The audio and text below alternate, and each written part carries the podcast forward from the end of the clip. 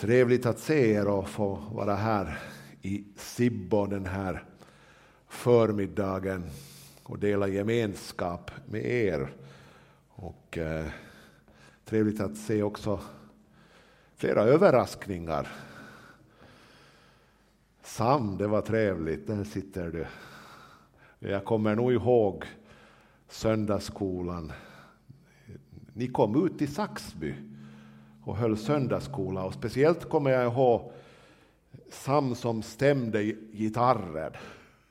Och sen tror jag också att det, allt det andra också var väldigt bra och välsignat för att eh, det är ju som med mig, många kanske tänker att jag har växt upp i en pastorsfamilj och jag har alltid varit med, men, men faktiskt är ju min historia det att, att i tonåringarna så var jag inte alls så speciellt mycket med, utan jag var en sån där typisk Eh, Eh, förlorad son som gick iväg och ville pröva min egen väg. Men, men jag brukar säga som så att på något vis allt det där som jag fick i min barndom, det var nog så positivt och det var både från mina föräldrar och eh, jag brukar ibland, kanske jag överromantiserar, men jag brukar ah, ibland beskriva den där ni vet, vi reste som familj ganska mycket också i Sverige och de här tältmötena och, och ibland så var vi ju inte alls speciellt mycket på mötena men eh, ofta i eftermöte så kom vi in, för då visste jag att det började ta slut. Och jag, jag brukar säga den där atmosfären som var där.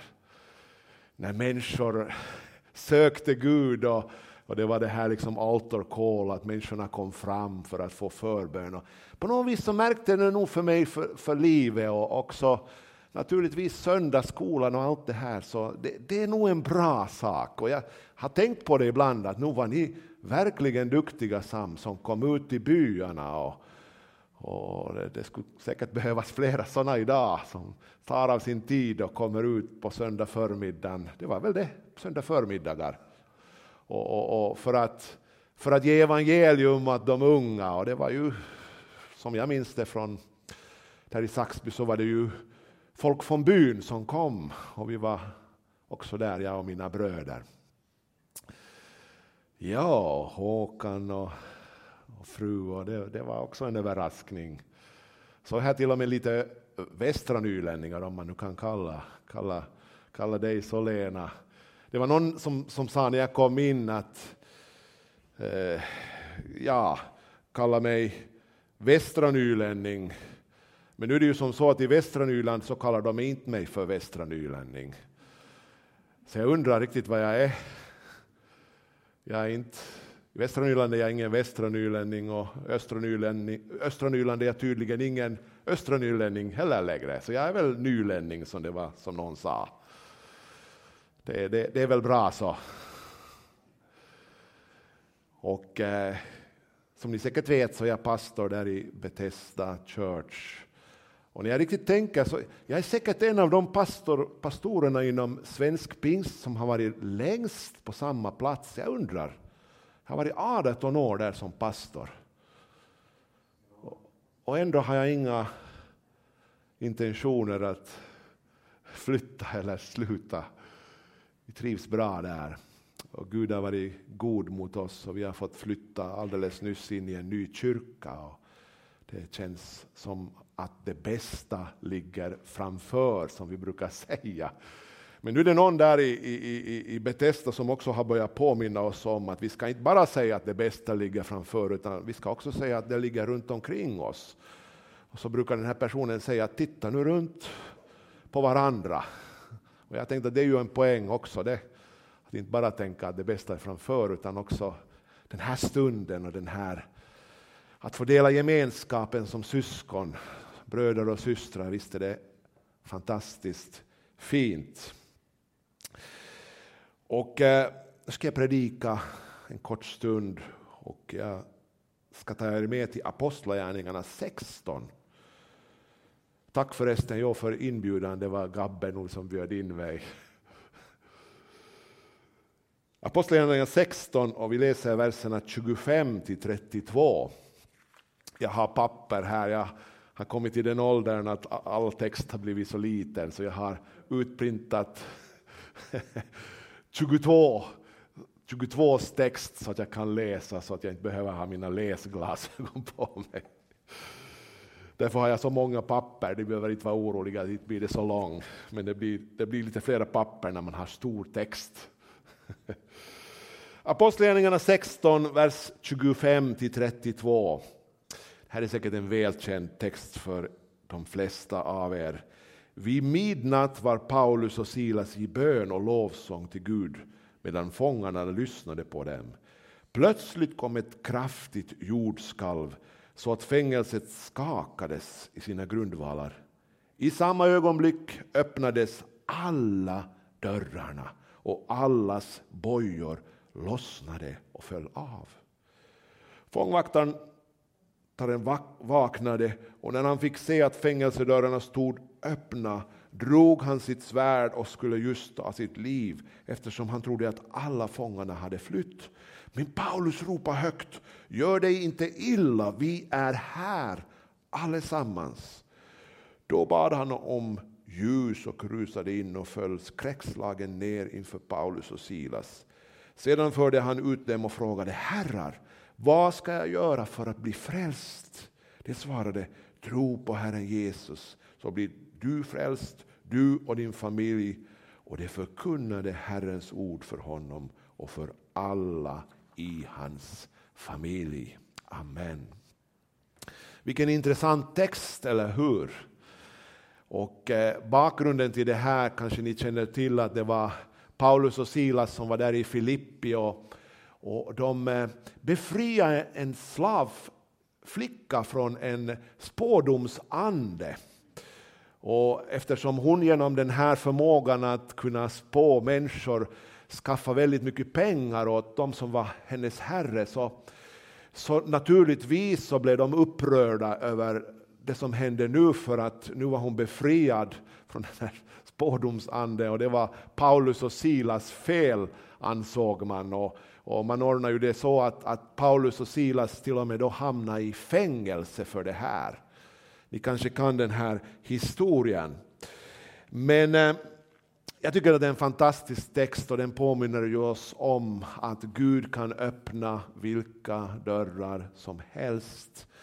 Men så finns det här också en annan poäng som jag på ett speciellt sätt skulle vilja stanna inför och som jag säkert kommer att upprepa och som jag tänker att kan vara till nytta för oss att påminna oss själva om.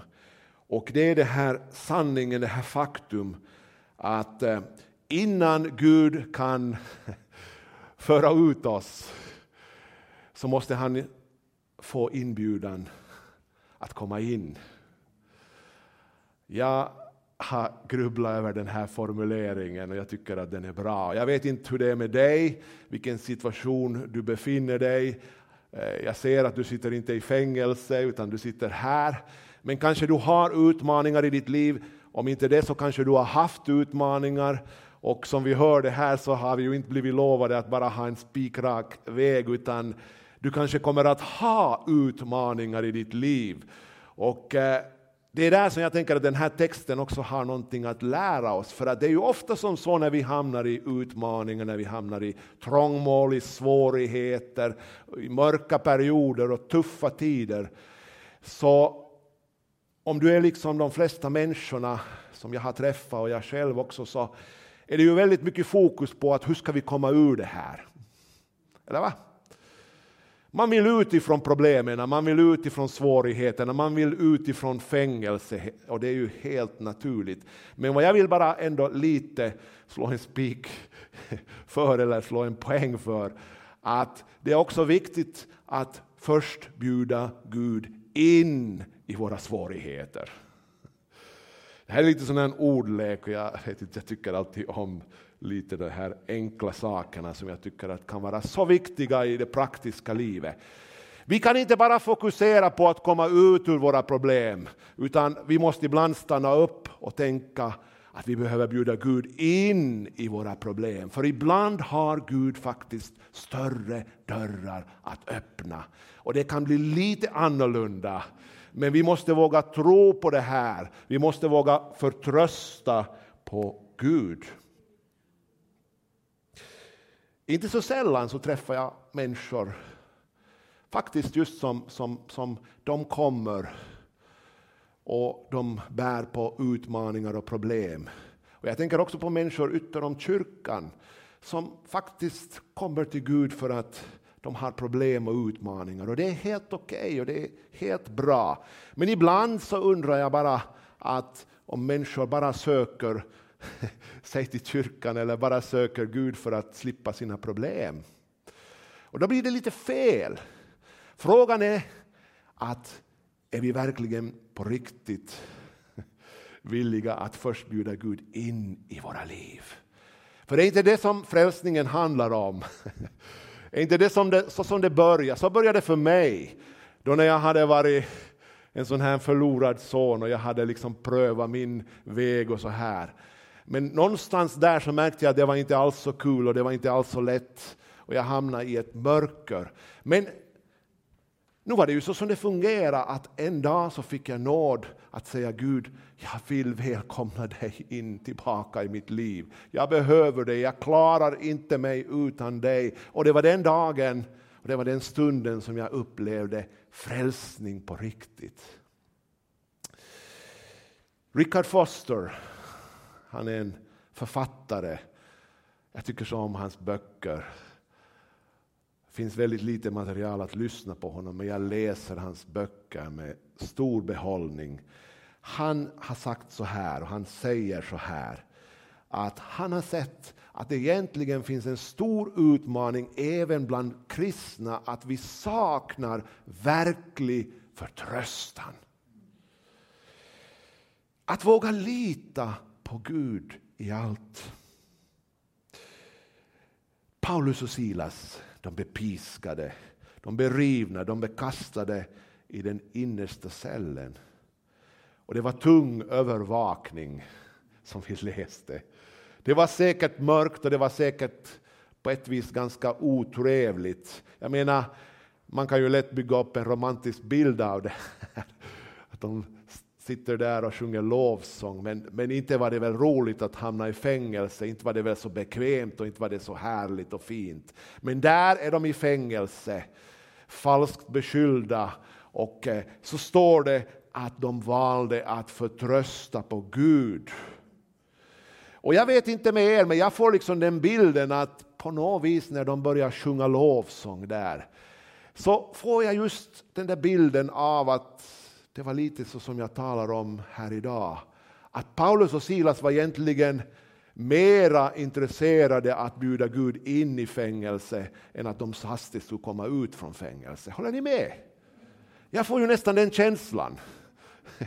Att de hade en sån fantastisk förtröstan som inte jag alltid har och som kanske du känner att inte du alltid har. Men de verkar nog ha en fantastisk förtröstan på Gud. För man får nästan den bilden att de var mer intresserade av att bjuda Gud in i fängelse än att de hastigt skulle komma ut därifrån. De började sjunga lovsång. Oj, vad det skulle vara roligt att ha fått vara där och lyssna. Inte, inte i fängelse, men, men vilken sång man de sjöng. Vad man de sjöng. Hur kunde det se ut? När de sitter det står att när det var som mörkast, då började de sjunga lovsång. Då börjar de bjuda Gud riktigt på riktigt in i fängelse. Och vi vet att atmosfären förändrades. Vi vet att eh, saker och ting börjar hända. Och Det här är ju liksom en sån fantastisk princip som egentligen Bibeln är full av. Att eh, Den här sanningen att Gud, han är inte bara Gud på höjden. Det finns ju en sån sång som vi sjunger. Den kommer ju från en bibeltext. Utan han är också Gud i dalen. Ni kanske kan den där berättelsen från Bibeln att det var eh, Israels fiender som, som började sprida ett rykte om att, att Israels Gud är nog en Gud som bara ger segrar på höjden. Jag kan tänka att om någon gång så måste ju säkert Gud i himlen då ha lett riktigt ordentligt. Vilket påstående! Vilket påstående att jag skulle vara en Gud som bara ger seger på höjden. Och, och, och ryktet gick så här att försök få Israels folk att strida i dalen för då kommer ni att vinna dem. För deras Gud, Han är en sån där bergtoppsgud. Han är en gud som ger segrar i kyrkan. Han är en, en gud som ger segrar när vi är på toppen och när vi känner att allt är så bra och allt går så fint som på Strömsö som vi brukar säga. Men hur är det i dalen? Och vi vet av den här historien att, att Gud kunde ge seger lika väl i dalen som på bergen. En fantastisk påminnelse. Och när Paulus och Silas de sjöng lovsång där när det var som mörkast så står det att fångarna Börja lyssna. Och jag tror att det finns en hemlighet i det här för oss också. För att jag tror att många, många människor är ibland är liksom också lite intresserade att se hur vi tänker när vi hamnar i svårigheter och när vi pröv, hamnar i prövningar. Det är ju lätt att prisa Gud när allting går bra, eller va? När man inte har något problem, om det nu finns en sån existens. Det var någon som sa åt mig att, att du är född med en guldsked i munnen. Men de skulle bara veta. Också jag har fått möta utmaningar och problem. Men jag har fått lära mig att prisa Gud när jag är på toppen. Och jag har fått lära mig att prisa honom när jag är i dalen.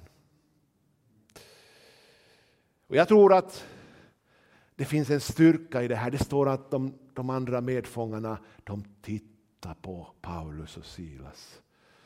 Det är någonting som, som, som väcker intresse när människor ser att vi kan gå genom svårigheter, vi kan gå genom prövningar, vi kan gå genom svåra tider och vi kan fortfarande hålla vår förtröstan. Vi kan fortfarande lovsjunga. Det är någon som har sagt att livet handlar inte om att sitta och vänta att regnet ska ta slut, utan vi måste lära oss att dansa i regnet. Jag tänker också på den här bilden och den här föreskrifterna som, som jag tror det är i Moseboken som, som eh, Israels ledare får att när ni kommer för att fira fest inför mig så ska ni ta en, en palmkvist i ena handen och så ska ni ta en pilkvistträd eh, kvist i andra handen. Ni vet palmkvisten den har alltid symboliserat segern, Den har eh, symboliserar de goda dagarna, det, det, det, när det allt går bra och det är fest. Men pilkvisten, tår, tår, tårpilen, den har ofta symboliserat det där svåra, det där utmanande. Och jag tycker så om den där bilden när, när Gud ger föreskrifter för, för Israels ledare när de ska komma inför Herren. Så, står, så, säger, så säger Gud att ta en pilkvist i ena handen och ta en palmkvist i andra handen och så kommer ni för att prisa mig. Jag tycker det är en fantastisk bild som beskriver vårt liv. Vi måste lära oss att prisa Herren med en pilkvist i ena handen och en palmkvist i andra handen. Men så tycker jag det är ganska spännande att läsa när, när Johannes ser in i den himmelska världen och han ser den där stora skaran som kommer för att tillbe Lammet. Då står det att de har palmkvistar i sina händer. Vi vet att det kommer en dag, det kommer en tid då ondskan ska bindas, då ondskan ska kastas ut. När vi får ha pilkvistar, när vi får ha palmkvistar i våra händer och när vi får falla ner inför Jesus och prisa honom. För det finns inte längre tårar, det finns inte längre sorg. Men här på jorden så får vi nog lära oss att prisa honom med en pilkvist i ena handen och en palmkvist i andra.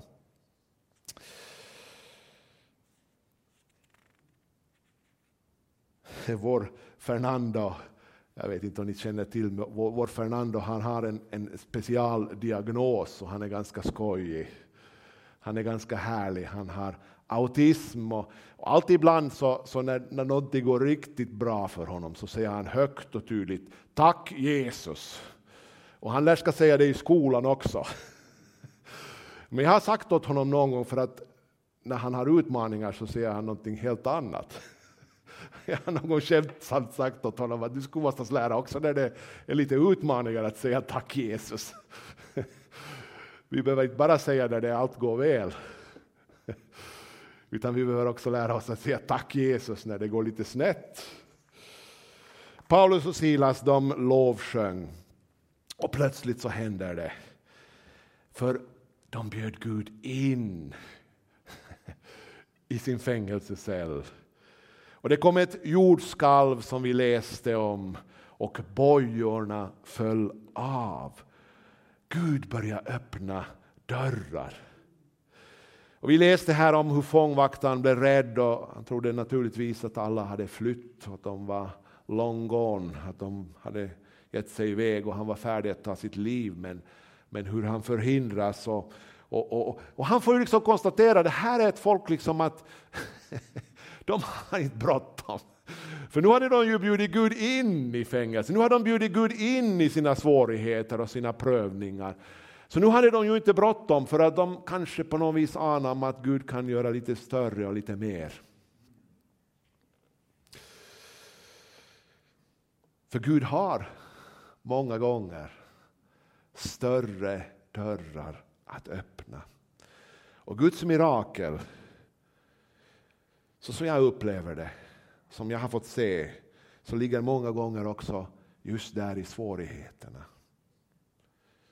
Det, det, handlar inte om att hastigt komma ut ur dem, utan det handlar om att bjuda Gud in i dem.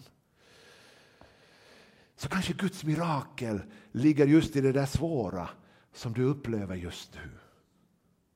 I den där situationen som du upplever att det är ganska utmanande. Det står så här i Jesaja 43, jag läser från vers 2. Om du går genom vatten är jag med dig, eller genom strömmar så ska det, ska det inte dränka dig. Om du går genom eld ska du inte bli svedd, lågan ska inte bränna dig. Lade du märke till? Det står här alltså inte att, du aldrig ska behöva gå genom vatten, det står inte att du ska aldrig behöva gå genom eld, men det står att när du gör det så kommer han att vara med dig. Han kommer att vara vid din sida. För Gud är med oss. Vad kan ge oss större glädje? Också i en tid som denna, där det minsann stormar och det är prövningar och svårigheter i vår värld. Men jag har tänkt ibland, jag menar när vi tänker på Ukraina, Ukraina-krisen, när vi tänker på Mellanöstern. Visst känner vi oss små, inte sant? Och det enda som vi kan göra är be. Men tänk, tänk, tänk, tänk, tänk bara om Gud skulle bli inbjuden i den här krisen. Tänk vad det skulle kunna förändra allt. Ja, det är, det är, det är en dröm att tänka så. Men, men bara tänk det, att problemet i vår värld är ju att Gud blir inbjuden till allt för få platser. Vid allt för få bord. Vid allt för få diskussioner. Tänk vad annorlunda vår värld skulle kunna vara om Gud skulle bli inbjuden. Bjud honom in i dina svårigheter. Lär dig att förtrösta även om du inte förstår. Jag blev påmind här i veckan när jag lite tänkte på det här om en, en, en bok vi har där i Betesda. Det är egentligen ett, ett fotoalbum, kanske Monica kommer ihåg det här fotoalbumet. Det heter Genom eld och genom vatten. Och naturligtvis är våra problem har inte varit så stora som vårt, vårt, vårt, vårt världsproblem. Men, men eh, här i den här boken så var det en, en, en av våra medlemmar som sammanställde lite foton av lite svåra och utmanande, utmanande perioder.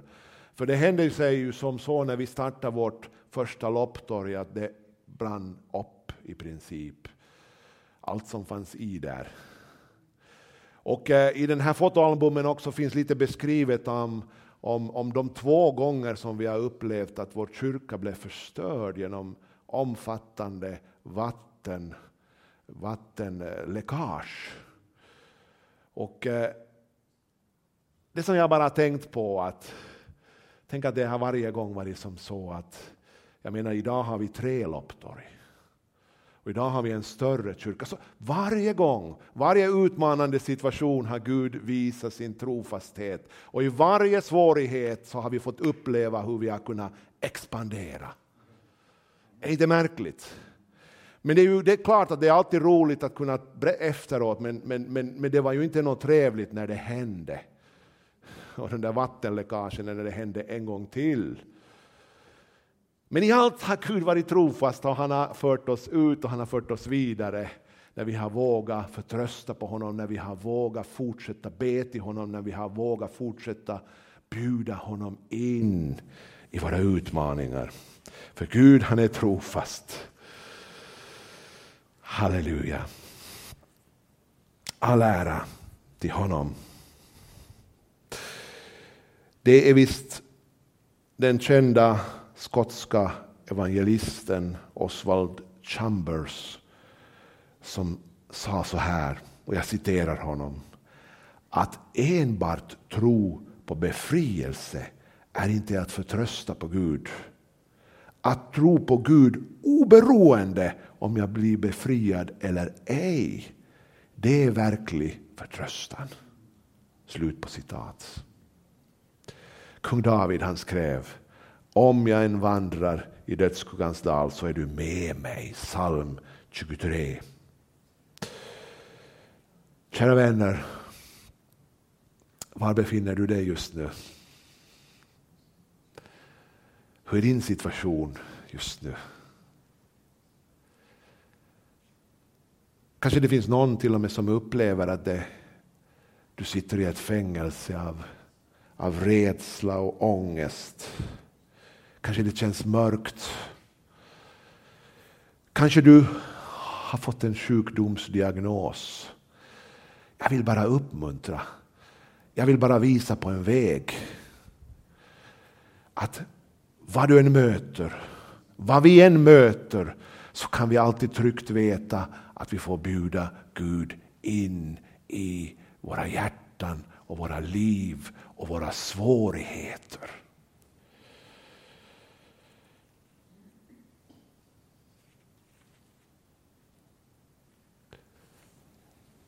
Det finns inget som är för stort för Gud och det finns ingenting som är för litet. Jag tänker på din arbetsplats. Många människor kämpar med, med relationer på arbetsplatsen. Och ibland så hör man många människor som säger att jag måste slippa det här. Men tänk om man tar en liten annorlunda psykologi och så börjar man bjuda Gud in i situationen istället. Ni förstår, det här är liksom en liten sån här ordlek, men jag tycker om de här och jag tycker om de där konkreta sakerna. Och jag tänker, kanske du inte alls upplever något svårt just nu, men, men det kanske någon gång får göra det. Och då ska du komma ihåg den här enkla predikanten här i Sibbo som påminde flera gånger om att det är viktigt att bjuda Gud in i våra svårigheter. För att då kanske det finns möjligheter att han också för dig ut ur dem. Men han behöver få inbjudan in. Vi talade om det här i, i veckan när vi hade Alfa. Ni vet det finns en, en, en, en, en bibeltext, ni känner till den, Uppenbarelseboken 3 och 20. Det, det står så här att det, det står så här om Jesus. Se, jag står vid dörren och knackar. Om någon hör min röst och öppnar dörren ska jag gå in till honom och hålla måltid med honom och han med mig. Och eh, i den här Alfa-filmen som kanske en del också av er har sett så tas det upp då det gäller den här tavlan som visst, en, en känd tavla över det här motivet om Jesus som står och knackar på dörren. Det är visst William Holman Hunt som har målat en sån tavla. Och eh, det berättas om att man, man, när man fick se den här tavlan så tyckte man den var fantastiskt och fin hur Jesus står där och, och bankar på dörren. Men så påpekar man att månne du har gjort ett fel i din målning för att det finns inget handtag som Jesus skulle kunna gå in genom. Och då påpekar den här konstnären att nej, det är exakt så som jag har velat ha det. För det är exakt så som det är. Jesus han står och bankar. Han står där och väntar ytter om dörren. Men dörren måste öppnas inifrån. Är inte en vacker bild? Är inte det en vacker bild på vår Gud? Han eh, liksom tränger inte sig på. Han vill. Det står om Jesus där han stod och han gråt. När han tittade på Jerusalem så grät han över staden. Det är ju gripande. Jesus gråter över Jerusalem. Och då säger han så här. Jag ville. Oj, jag ville samla er. Men ni ville inte. Men sanningen är det att Jesus vill fortfarande. Och när jag tänker också på Israel och på den situation som finns, Jesus vill fortfarande. Men det är alltid det som är problemet. Han vill, men vill vi?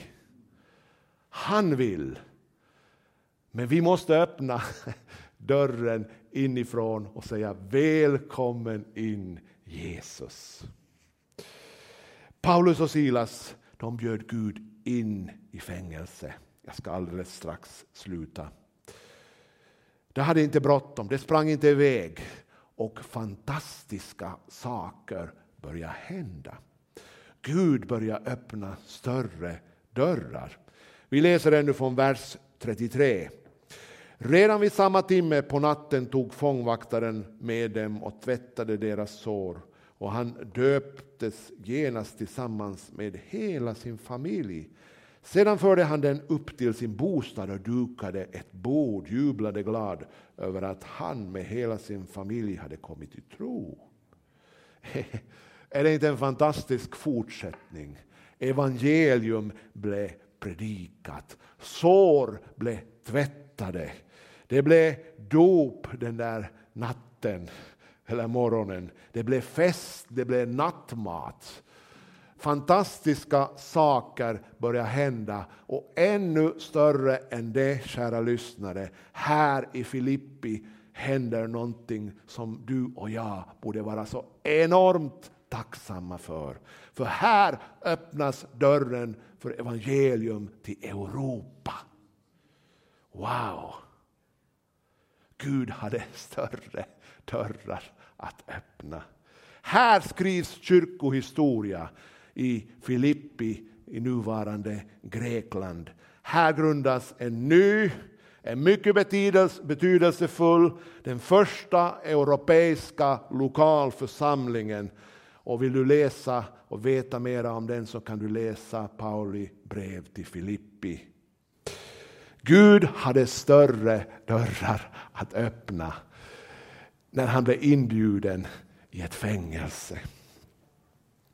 Det är vad som kan hända när vi vågar bjuda Gud in i våra svårigheter.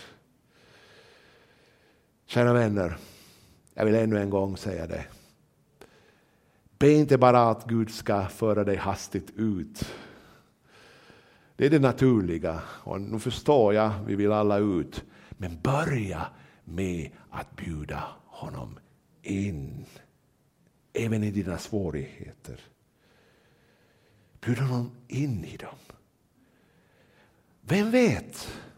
Vem vet? Min erfarenhet är det att många gånger, de allra flesta gångerna, nästan alltid så har Gud större planer och större dörrar att öppna. Ska vi be?